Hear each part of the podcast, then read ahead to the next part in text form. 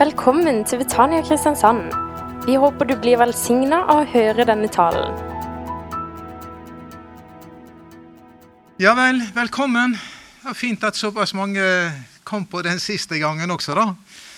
Ehm, Det er jo ehm, bra, det. Vi skal ha, jeg syns er et spennende tema i dag. Eh, akkurat overskrifta er, er jo så, men eh, vi skal se hva som ligger, ligger i den.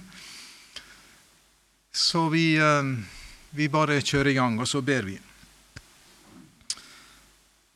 Herre, vi ber om at du ved din gode ånd skal levendegjøre ditt ord for våre hjerter. Vi ber om at det vi skal dele ut ifra ditt ord i kveld, det skal bli til nytte og til gagn for oss. At det skal være med å styrke oss under livets gang. Vi ber om det. Kom, Hellige Ånd, og rør ved våre hjerter. Amen. Amen. Vi skal lese fra 1. Korinterbrev, kapittel 10. Og Overskrifta er jo det med åndelighet i sjelens ørken, eller i sjelens natt, alt ettersom. Men jeg bruker ørkenbenevnelsen fordi at det er det vi leser om her i kapittel 10 i 1. Korintiabrev. Og Vi skal lese noen vers sammen før vi ser på de forskjellige ting der. 1. Korinterbrev, kapittel 10, vers 1. Jeg vil at dere skal vite dette, søsken. Våre fedre i ørkenen var alle under skyen, og alle gikk de gjennom havet. Alle ble døpt til Moses i skyen og i havet. Og alle spiste de den samme åndelige mat, og de drakk den samme åndelige drikk. For de drakk av den åndelige klippe som fulgte dem, og denne klippen var Kristus. Likevel forkastet Gud de fleste av dem, for de ble slått ned der i ørkenen. Disse hendelsene er advarende eksempler for oss. De skal lære oss ikke å ha lyst til det onde slik de hadde. Bli ikke avgudsdyrkere slik noen av dem, for det står skrevet folket satte seg ned for å spise og drikke, og så sto de opp for å danse.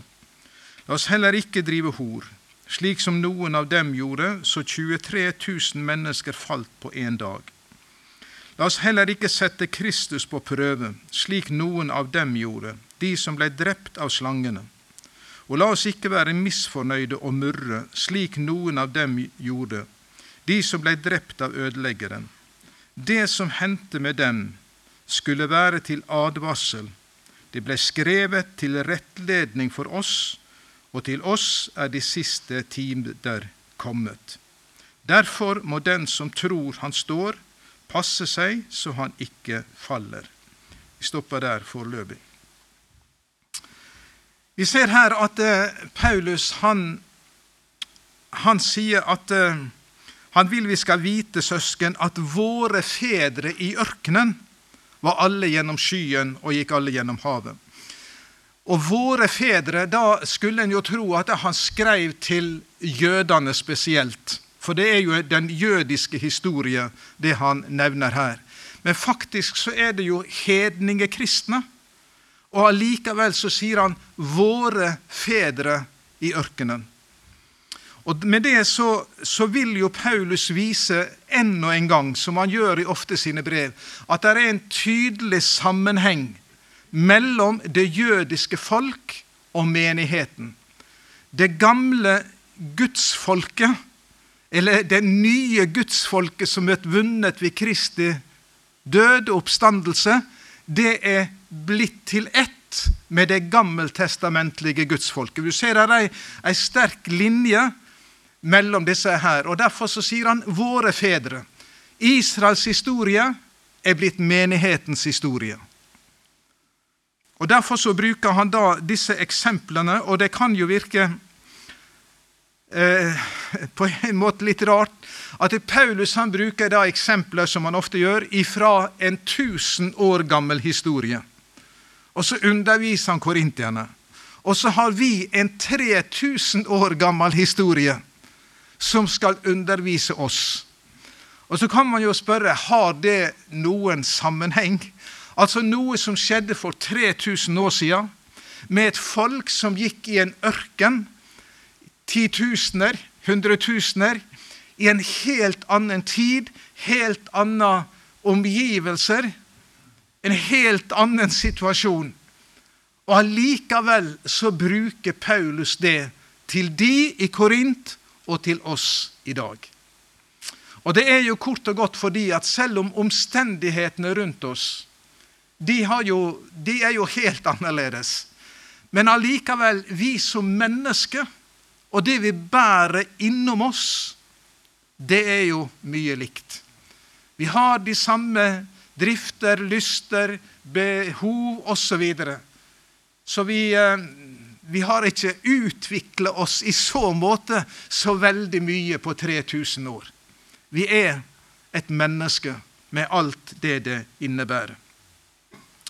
Og Så skriver han da altså om jødene i ørkenen, og så bruker han det på menigheten.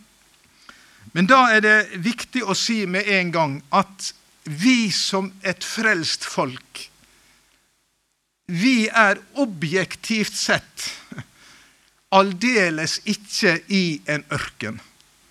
For, men han snakker om erfaringslivet, følelseslivet vårt. Men objektivt sett, hvor er vi da? Jo, da, da skriver jo Paulus i Efeserbrevet kapittel 2 over 6 at vi er satt med Kristus i himmelen. Det er jo der vi hører hjemme. Og vi, eh, Jeg tror jeg skal lese fra Hebreerbrevet, bare sånn at vi har det klart for oss. Han snakker ikke om at vi, vi går ut og inn i en ørken som har med det objektive frelsesverket å gjøre. Men det snakker om erfaringer, opplevelser, følelser. Men eh, objektivt sett så er vi altså satt i det himmelske. Og Hvis vi ser i Hebreerbrevet, det tror vi skal ta tid til å lese, i kapittel 12 og vers 18, så sier han det veldig tydelig og veldig sterkt. Og det er det viktig å ha fasthet i. Det er her vi er, enten vi føler sånn eller sånn. Så sier han dere er ikke kommet vers 18, dere er ikke kommet til et fjell en kan ta og føle på, ikke til flammende ild, skyer, mørke og storm, ikke til gjallende horn og en røst som talte slik at de som hørte den, bad om å bli spart for det. Altså Her er det snakk om Sinai og loven og alt det der. Men så står det i vers 22.: eh, Nei, dere er kommet til fjellet Sion, den levende Guds by, det himmelske Jerusalem. Og vi leser vers 24. Vi er kommet til Jesus, mellommann for en ny pakt, og det rensende blod som taler sterkere enn Abels blod. Så det er altså ståstedet, eller sitteplassen, om du vil, som vi objektivt har med Kristus. Enten den ene dagen er sånn, eller den andre dagen er sånn. Uansett hva vi føler, hva vi kjenner, opplevelser eller hva det er, om vi har de sterkeste opplevelsene som vi, Jeg vet ikke hvordan dere hadde det når dere var nyfrelst, eller har hatt det siden når det gjelder opplevelser. Men, men uansett hvordan de var Vi kommer ikke nærmere enn det vi allerede er i frelsen. Og vi kommer ikke lenger ifra om vi kjenner enkelte dager er tunge som bly. Jeg var ganske nyfrelst, så var vi en del ungdommer eh, der i området rundt Volda. Vi var mye sammen. Og vi hadde prøvd oss på å ha noen møter også. og, og sånn. Eh, men når vi var sammen, og vi, vi, hadde ikke vi hadde jo ikke data og alt det der greiene der da. Eh, så vi sang og spilte og ba til Gud og leste Guds ord osv. Så, videre, sånn. så var det en kveld da vi skulle overnatte mange i, i den For vi flytta jo, var jo i forskjellige bygder. Så lå jeg og en kamerat som også var nyfrelst, på rom, og vi sang og spilte sammen. Noen begynte å kalle oss Kjell og Odd. Skulle ikke tro det. Men åkke eh, som han spilte trekkspill, jeg spilte gitar den gangen, og jeg prøvde meg på å synge også. Men eh, vi, vi, lå på samme rom, husker jeg en natt, og så skulle vi jo be for før vi sovna. Og jeg tror vi begynte med Fader vår. Og faktisk talt så gikk hele natta, og vi sa ammen klokka sju på morgenen. Og vi ensa ikke klokka. Men du vet, skulle jeg tenke at det, sånn skal det være når jeg ber til Gud, så hadde jeg jo blitt aldeles forvirra. For det var jo den gangen jeg har hatt uh, herlige bønnestunder med Gud, men, men jeg, har aldri sammen med en annen bedt ei hel natt og ikke ensa tid eller sted. Vi ba bare inn for Herren. Sterk opplevelse, men jeg var ikke nærmere da Herren eller jeg nå. Objektivt sett. Så det er viktig å ha med seg når vi, når vi går på det her. da. Men altså ørkenen, sjelens natt, som noen kaller det, det beskriver da når vi opplever at det er fravær av glede. Fravær av fred i våre liv. Angst og uro har fått plassen isteden. Følelsen av Guds nærvær er blitt borte. Fravær av lyst til å lese i Guds ord, til å be, det er blitt borte. Lysten til menighet, ja, hva skal vi der og gjøre? Det er jo tørt allikevel. Og så videre. Gud er rett og slett taus.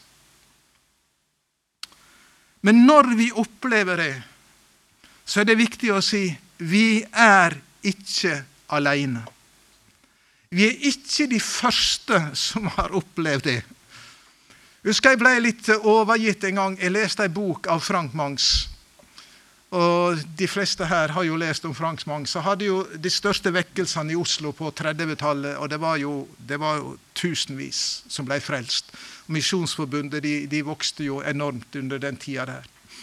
Og han, eh, han, Det var en åndsatmosfære i de møtene som eh, når du beskriver det, så bare kjenner du at det begynner å, å bevre inni det, og du, du, får en lengsel. Gud gjør det om igjen. Men så skrev Frank Mangs om en, en, hendelse, kanskje blant flere. Men han hadde hatt møte på kvelden, og det var, det var mye folk, og mange ble frelst, og Guds nærvær var så aldeles sterkt våkna han på mandagsmorgen og hadde jo ei uke foran seg med, med møter osv. Og, og så var det helt tyst. Hvor, hvor er det blitt av søndagens møter? Hvor er det blitt av søndagens atmosfære? Hvor er det blitt av åpenbaringen? Og Han skulle preke utover uka, og han, han bladde gjennom den ene prekenutkastet eller etter det andre. Det var tørt som halm, alt sammen. Det, det, det sa han ingenting var ubrukelig, alt sammen. Det var taust, det var stille, det var tyst. Hvor er Gud? Hvor er Gud? Og Hvis vi går litt til Salmenes bok Salmene de beskriver jo gudsfolkets erfaringer. ikke sant? Det, det selvfølgelig er det lærestoff i salmene òg, men, men, men, det gir uttrykk for det de erfarer. Og Hvis vi, hvis vi ser en to-tre steder på salmene hva de har erfart, så, så, skal det fortelle oss vi er ikke alene om vi kjenner sjelens natt. Om vi opplever at uh, følelser og opplevelser ikke stemmer med det vi skulle ønske. Hør hva Salme 13 sier. Og det er endog en salme av David. Og sier han, Hvor lenge, Herre, vil du glemme meg for alltid? Hvor lenge vil du skjule ansiktet for meg? Hvor lenge skal jeg ha uro i sjelen og sorg hele dagen? Hvor lenge skal fienden ha makt over meg? Svar meg, Herre min Gud. Gi mine øyne lys, så jeg ikke sovner inn i døden. Det er gudsmannen David sin erfaring. Blar vi litt lenger fram til Salme 22. Selvfølgelig er det en profesi også, men det er også Davids erfaring. Vers 2. Min Gud, min Gud, hvorfor har du forlatt meg? Hvorfor er du så langt borte? Borte når jeg trenger hjelp, og skriker ut min nød. Min Gud, Jeg roper om dagen, men du svarer ikke. Jeg roper om natten og får ikke ro. Men du er den hellige som troner over Israels lovsanger. Til deg satte fedrene sin lit. De stolte på deg, og du fridde dem ut. De ropte til deg og ble reddet. De stolte på deg og ble ikke til skamme. Men jeg, jeg er en mark. Ser du hvordan gudsfolket, opplevelser opp gjennom historien til alle tider, har hatt prøvsomme, tunge dager. Men det var altså gudsfolkets erfaringer. Og så er det jo da slik at det er for oss som leser det som Paulus skriver her, så skriver han jo dette fordi han vet at korintierne også vil erfare noe av det samme. Og det er klart at Hvis man er i et miljø som fokuserer veldig på følelser, opplevelser, stemninger, om du vil, som alt sammen er godt. Men hvis fokuset blir veldig der, og det var nok slik også i Korint, det, det, det ser vi når vi leser helheten i Korintiabrevet, så var de veldig fokusert av opplevelser, av eh, karismatikk. Og karismatikk er ikke galt på ingen måte, men det var, det var blitt et, et, fordreid karismatisk miljø i Korint. Og hvis man, man, har det slik, så er det jo klart at det er lett å komme i anfektelse. Men igjen, frelsen ligger ikke i mine fysiske eller sjelelige erfaringer, men frelsen ligger i noe som har hendt, og noe som er sagt ifra Guds eget ord. Det som hendte, har vi feira påske for. Det som er sagt, finner vi i jorda. Så det ligger altså ikke her inne i mine erfaringer og opplevelser. Frelsen ligger i Kristus Jesus. Så er det det å si, og det er derfor at Paulus han skriver advarseltekster fordi at om mye følelser, gode følelser er borte, fraværende, så er det noe som ikke er fraværende. Og det er slangen som var i Edens hage. Han er ikke fraværende når vi opplever disse tidene. Og fordi at han ikke er fraværende, så kommer da Paulus med advarseltekst til oss. Og Advarsler det ser vi jo i mange sammenhenger. ikke sant? Vi kjører bil, og det kommer et skilt, trekanta skilt som forteller at det er en skarp sving. Og vi vet jo hva det betyr. Det betyr jo at vi skal ta det litt med ro, sånn at vi, vi kjører riktig. Og sånn er det mange Til og med, til og med en enkel Ibux-pakke som du kjøper på apoteket. Hvis du leser gjennom eh, veiledninga der, det som ligger inni pakka, så er det forsynet med advarsler der. Og der er noen, hvis du blir av et eller annet, så skal du være forsiktig med Ibux. Selv om du kan kjøpe det uten resept på, på, på apoteket. Så vi er vel kjent med, med sånne advarsler. Og når Paulus gir advarsler, så skal vi huske at lenger framme i Korinterbrev kapittel 4 så sier han vers 14 og 15 om dere har mange læremestere i Kristus, så har dere bare én som er deres far. Sånn menneskelig sett. Det var jeg som kom til dere og førte evangeliet til dere. Lik, Og så er han her nå, lik en kjærlig far som formaner og oppmuntrer også, skal vi komme til, sine elskede barn. Så han gjør det ut ifra et hjerte. Han har ikke behov av å være den som blir tiljubla i Korint, men han har et behov av at de som er vunnet for Kristus, skal nå fram. Det er det som ligger på hans hjerte. Og det er det som må ligge på våre hjerter også. Om vi formaner hverandre og oppmuntrer hverandre, så er ikke det for at vi skal vi skal stille oss på, en, en høy, på den høye hesten, vi skal si det sånn, men vi, vi ønsker at vi alle skal nå fram til endemålet, for, og det er sjelens evige frelse. Så kan vi spørre hvis ørkenen er farlig,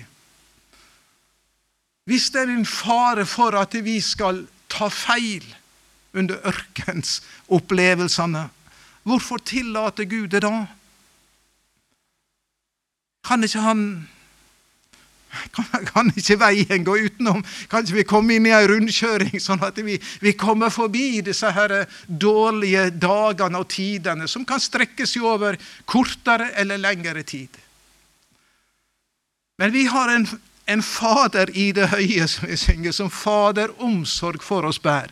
Og den omsorgen er ikke bare at vi skal komme utenom, men han gjør det i en spesiell hensikt, og det kan vi lese også av Israels folk. Hvis vi går til 2. Mosebok kapittel 20, så, så møter vi noe der som sier oss hva Gud tenker, og hva Gud vil,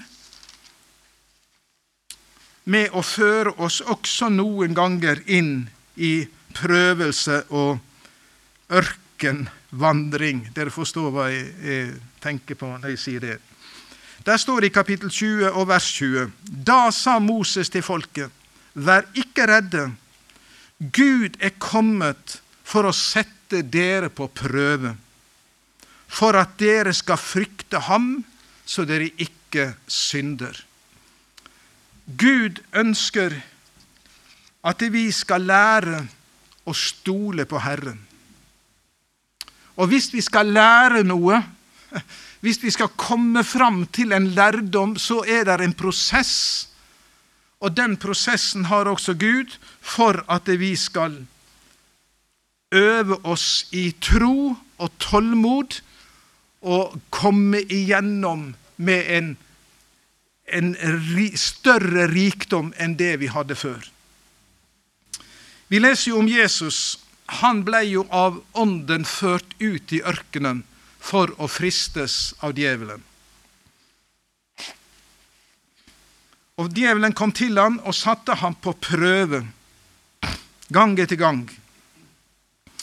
Og ikke minst når han, eh, når han, han siterer Guds ord, gjør steinene til brød, Kast de utfor tempelmuren. Og vil de se at du kommer liksom flyvende ned uten fallskjerm eller noe hengleid eller noe sånt, for det står skrevet, osv. Altså, det var, det var en test på Jesus etter at han var døpt og ånden kom over ham. Da ble han ført ut i ørkenen. Etter den store opplevelsen ut i ørkenen. Men ut ifra ørkenen, etter han hadde vært der og bestått sin prøve, hva står det da? Da vendte han tilbake i åndens kraft. Ser du? Gud tester oss, Gud prøver oss, ikke bare fordi at nå, nå, nå, blir det bare sånn, men han har en hensikt, han har et mål med våre liv. Vi skal bli sterkere. Vi skal bli sterkere. Vi skal bli mer trofaste, vi skal bli mer, mer hengitt til Herren i våre liv. Og så fører Han også oss igjennom det her. Så Gud har en plan. Og Vi, eh, vi tar med noen skrifter, det er jo Bibel og brød, så vi, vi må jo lese litt, litt, av det som står her. I Jakobs brev leser vi først Jakob 1, vers 2-4. Der står det Se det bare som en glede, søsken, er underlig, når dere møter alle slags prøvelser. For dere vet at når troen blir prøvet, skaper det utholdenhet. Men utholdenheten må føre til fullkommen gjerning, så dere kan være fullkomne og hele uten å mangle noe. Så tro, når troen blir prøvd, skapes det utholdenhet. Du vet, en, en, en skiløper de, de, trener jo, disse her norske som vinner gull og sølv og, og edelstener. De trener jo nesten gjennom hele året. Men før en konkurranse Da må de ha hardtrening for virkelig å få den siste liksom touchen og, og, og der, slik at de kan være med og kjempe i toppen. Og, og det er noe av det der Gud prøver oss for en hensikt. Ikke knug oss ned, men for at vi skal bli sterkere, stole mer på Herren, vandre tettere, om vi skal si det sånn, med, med Herren. Og Vi ser også på, på 1. Peters brev. Han skriver om noe av det samme. Det er bare å bla om et par sider, så har vi 1. Peters brev. Og Der sier han i vers kapittel 1 og vers 6 og 7. Derfor kan dere juble av glede, selv når dere en kort tid, om så må være, har det tungt i mange slags prøvelser forskjellige slag som kan prøve oss. Slik blir troen deres prøvet. Selv forgjengelig gull blir prøvet i ild. Troen er mye mer verdt. Den må også prøves, så den kan bli til pris og herlighet og ære for dere når Jesus Kristus åpenbarer seg. Så du ser at Gud han har en hensikt også med dette. Han lar oss ikke bygge på følelser, bygge på opplevelser, bygge på åpenbaringer, men vi skal få bygge på noe som har hendt. Jesus døde, han sto da på den tredje dag. På den klippen får vi lov å stå, uansett følelsene våre. Nå skal vi se på Oi. Nå skal vi se på, på eh, advarslene. Jeg skal prøve å fatte meg litt i kortet. Kanskje. Eh, men hvis vi ser på advarslene, så det første Det finner vi i vers 6. Så står det Disse hendelsene er advarende eksempel for oss. De skal lære oss ikke å ha lyst til det onde slik de hadde under prøvelsenes gang, når følelsene ikke er der. Ikke herlig å gå på møte, ikke herlig å gå på bønnemøte, men, men det er tungt, og alt er trist, og alt er, alt er taust. Så sier han, pass dere, så dere ikke får lyst til det onde, slik noen av de fikk det. Der er jo en hendelse fra Det gamle testamentet som er veldig, veldig hva skal vi si, illustruerende, da, selv om det også ligger, ligger 3000 år bak i tid, og det er en helt annen sammenheng. Men allikevel, for det sier noe om hvordan vi mennesker reagerer. I Josvas bok, kapittel 7, og dere som eh, er godt kjent i Bibelen, dere har lest om Akan, ikke sant? De hadde vært rundt Jeriko, og de hadde vunnet, vunnet seier i Jeriko. Og eh, så hadde de bare en liten småby igjen. Det var byen Ai. Og den byen den eh, regna Josva med at den, den, bare marsjerer vi rett igjennom. Fordi den, den, er ikke så grei. Har vi vunnet over Jeriko, så vinner vi over Ai. Og Så sendte han bare noen av, av, av hæren av gårde, og så lei de et forsmedelig tap. Og Josva han skjønner ingenting, og så går han inn for Gud. Og så spør han hva er det som er hendt. Hvorfor skjer dette med din arv?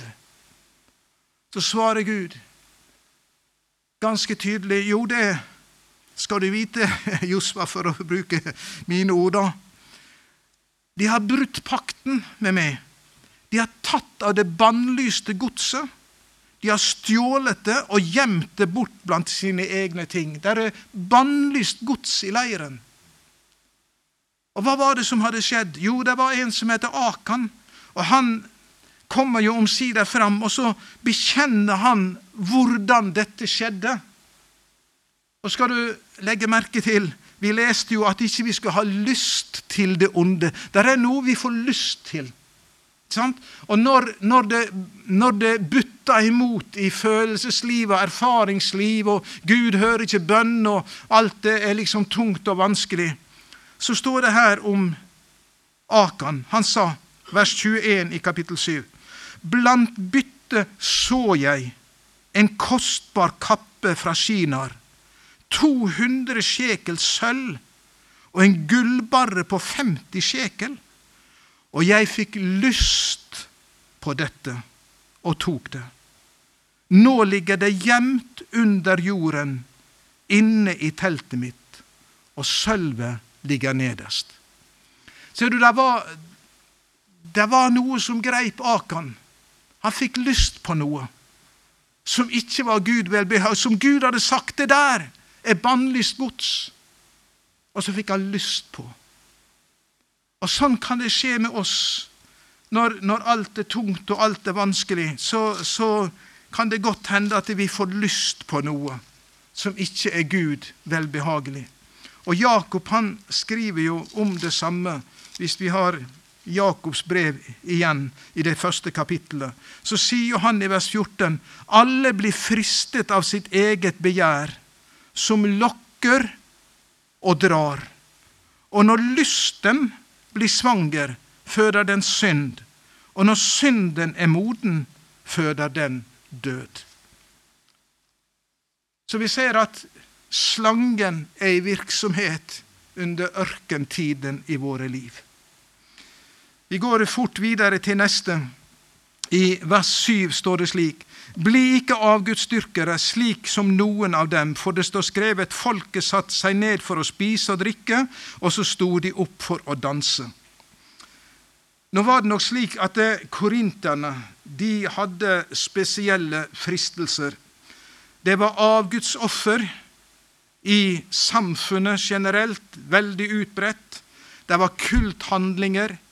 Det var å spise offerkjøtt. Alt dette var i samfunnet. Og det er klart det var en fristelse for korinterne å inngå kompromiss. Kunne det være så farlig? Kunne det være så farlig å, å spise offerkjøtt eller være med i det der? Når du leser andre steder i Korinterbrevet, så, så, så, er Paulus radikal imot det. Men, men mange av disse tingene som var i samfunnet, det var fristende til å inngå kompromiss. Avgudsdyrkelse. Den avguden Jesus talte mest om, det var mammon. Det var mammon. Ingen kan tjene to herrer. Enten vil han tjene den, elske den ene og hate den andre, eller omvendt. Og den mammon-guden, den er ikke død.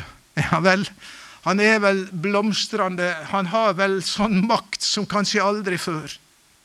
Er skremmende å se hvordan Vi ser det blant de, de, de som er i høye posisjoner i næringslivet. Vi ser det blant våre folkevalgte på Stortinget og i regjering. Vi ser det overalt, og vi trenger ikke om å, å, å, kaste ballen over på andre. Det er så lett å bli grepet av det. La dere ikke prege av denne verden, sier Paulus i Romerbrevet 2, som vi har lest så mange ganger. Skikk dere ikke lik med denne verden. Og det, ligger en sånn det, det kommer så mye tanker til oss under når vi er i denne situasjonen. Og jeg syns jo at det, tilbake til, til, salmene igjen. Det er jo erfaringer som er skrevet ned i Salmenes bok. Og vi har Salme Asaf, eh, Salme Asaf, Salme 73 om Asaf, ikke sant? Da skriver jo han om sin situasjon. Og han skriver og Hvem var Asaf? Han var jo korleder under kong David. Han hadde jo et kor på flere hundre mennesker. Og han sto der jeg, skal, jeg prøver noen ganger å se for meg Asaf. Han står der og dirigerer koret som synger Herrens pris. I full tjeneste. Kanskje var det slik med Asaf at han sto og dirigerte koret. Og der var sønnene også med. Og der var mange med. Men kanskje sto Asaf og dirigerte og leda koret med et hjerte som gråt. Kanskje gjorde han det. For det her, det skriver han om sin erfaring. Jeg var nær ved å snuble. Foten holdt på å gli ut, for jeg var misunnelig på de hovmodige. Jeg så at det gikk de urettferdige vel. De er uten plager til sin død. Magen er god og mett. De lider ikke som andre mennesker, og de blir ikke plaget som andre folk. Vers 13. Forgjeves Forgjeves har jeg holdt hjertet rent, vasket hendene i uskyld, for jeg ble plaget hele dagen og irettesatt hver morgen. Da er det sjelens natt, sant? Vi er ikke aleine. Asaf opplevde det også.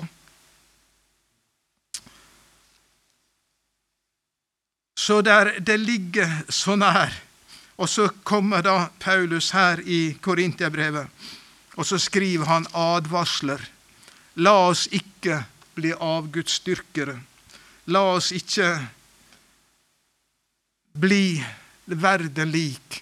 Og når vi opplever noe Allah som Asaf, på en litt annen måte kanskje, men la oss være klar over der er en Gud som har kontrollen. Der er en Gud som ikke slipper oss. Der er en Gud som vil vise vei.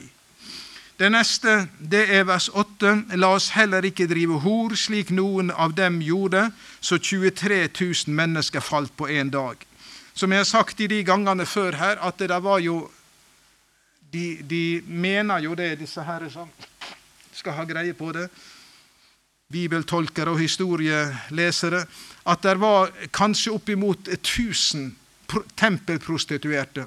Så prostitusjon den florerte i Korint. Og det var så lett for å gå til det her. Det var, det var, det var liksom Samfunnet var sånn. Men så kommer Paulus og forkynner et budskap om renhet og trofasthet osv. Og, så og så advarer han de. La oss ikke gjøre som de. Og så er det en advarseltekst. og det er klart at For korinterne som var i denne helt spesielle situasjonen, som vi ikke er i på den måten, men vi har alle våre legninger og våre drifter og alt sammen, og så advarer han på det sterkeste imot det her.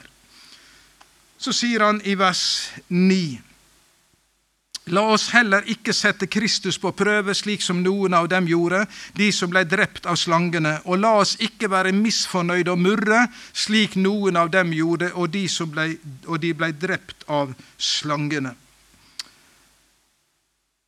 Vi må lese ifra salmen igjen. Salme 78. Som jeg har sagt flere ganger, det er erfaringer som eh, som de hadde i gudsfolket på den tid. Salme 78.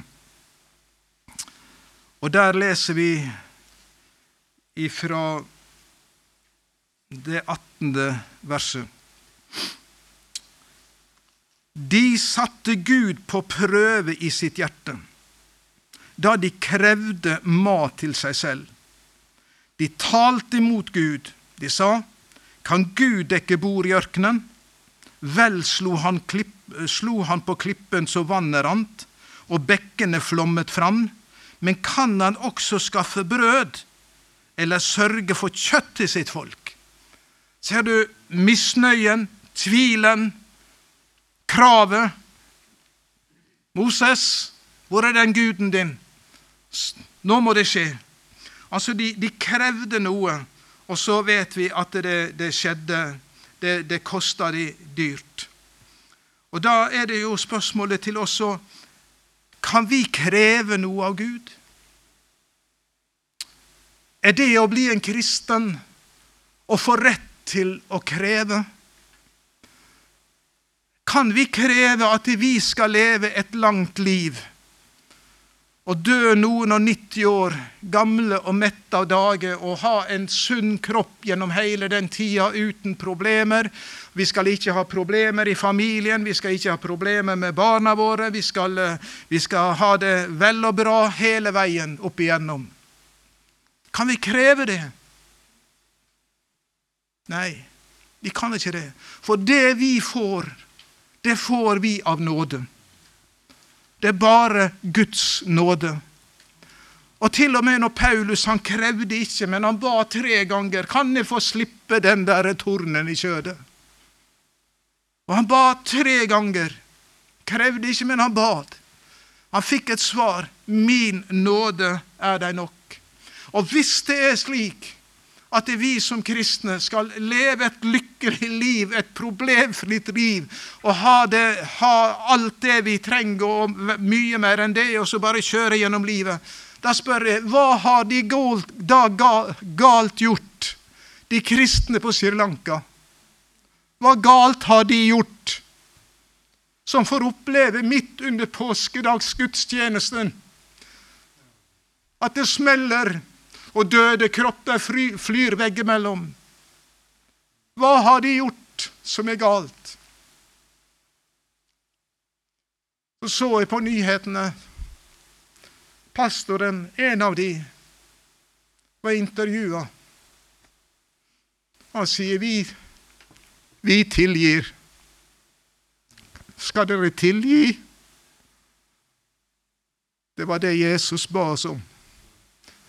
Ja, men de var katolikker. Ja, ja. Kanskje vi har noe å lære likevel. Paulus skriver i et av sine brev dere blir unt ikke bare denne nåde, men også å lide for dette navnet. Du ser Gud er Gud. Om alle mann var døde, sang den gamle dikterpresten. Du ser, vi, vi, vi skal slippe å kreve. Det var djevelen og de skriftlærde og de vantro som krevde tegn av Jesus. Og Jesus sa det skal ikke gis dere annet tegn enn Jonas tegnet. Og Det var oppstandelsestegn, og på det tegnet skal vi få lov til å stå. Visst står det slik at disse tegn skal følge de som tror, men ikke de som krever, men det er de som tror.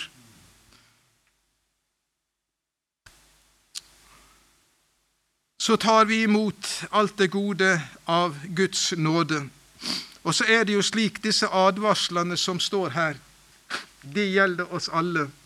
Og det står 'den som' Derfor, vers 12, må den som tror han står, passe seg så han ikke faller. Men han gav no, Oi, nå skal jeg slutte. Eh, han gav ikke bare advarsler, han gav oppmuntring. I det neste verset, vers 13, står det dere har ikke møtt noen overmenneskelig fristelse, og Gud er trofast. Han vil ikke la dere bli fristet over evne.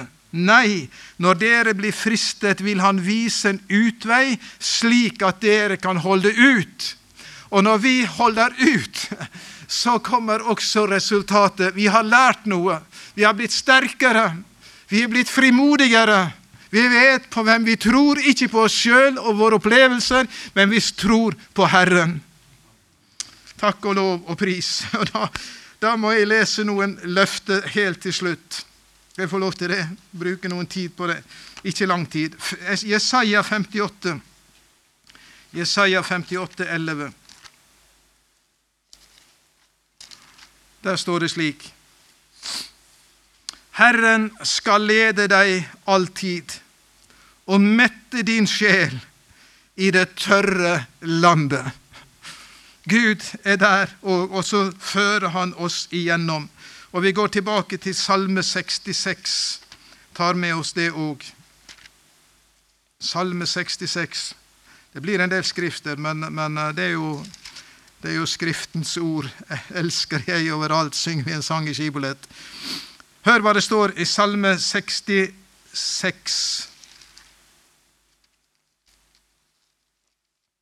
Vers 10 og vers 12.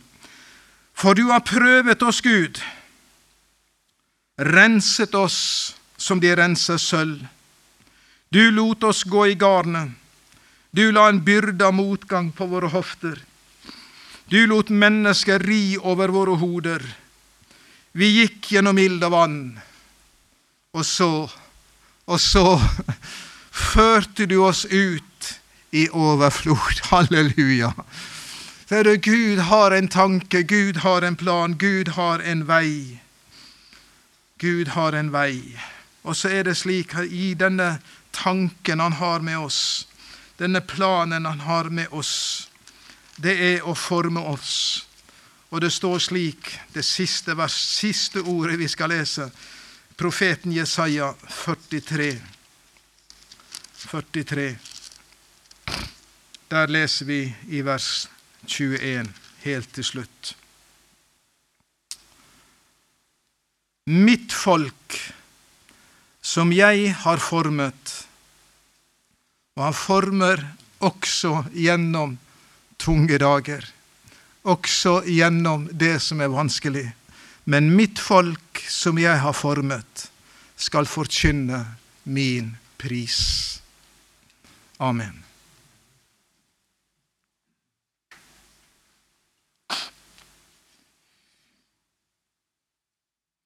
Takker deg, Herre. Du legger din ånd over oss og hjelper oss, slik at du fører oss igjennom de tunge dagene, de vanskelige dagene. Så fører du oss igjennom, så det blir en rikdom av din fylde. Du kjenner hver eneste en som er her i kveld. Du vet om hvordan vi har det i vårt følelsesliv, erfaringsliv, opplevelsesliv. Men jeg takker deg, Herre, frelsen holder. Frelsen holder. Og så fører du oss igjennom.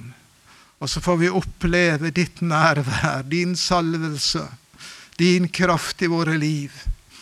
Så vi kommer berika ut ifra sjelens natt og vandringen i det vi opplevde som ørken.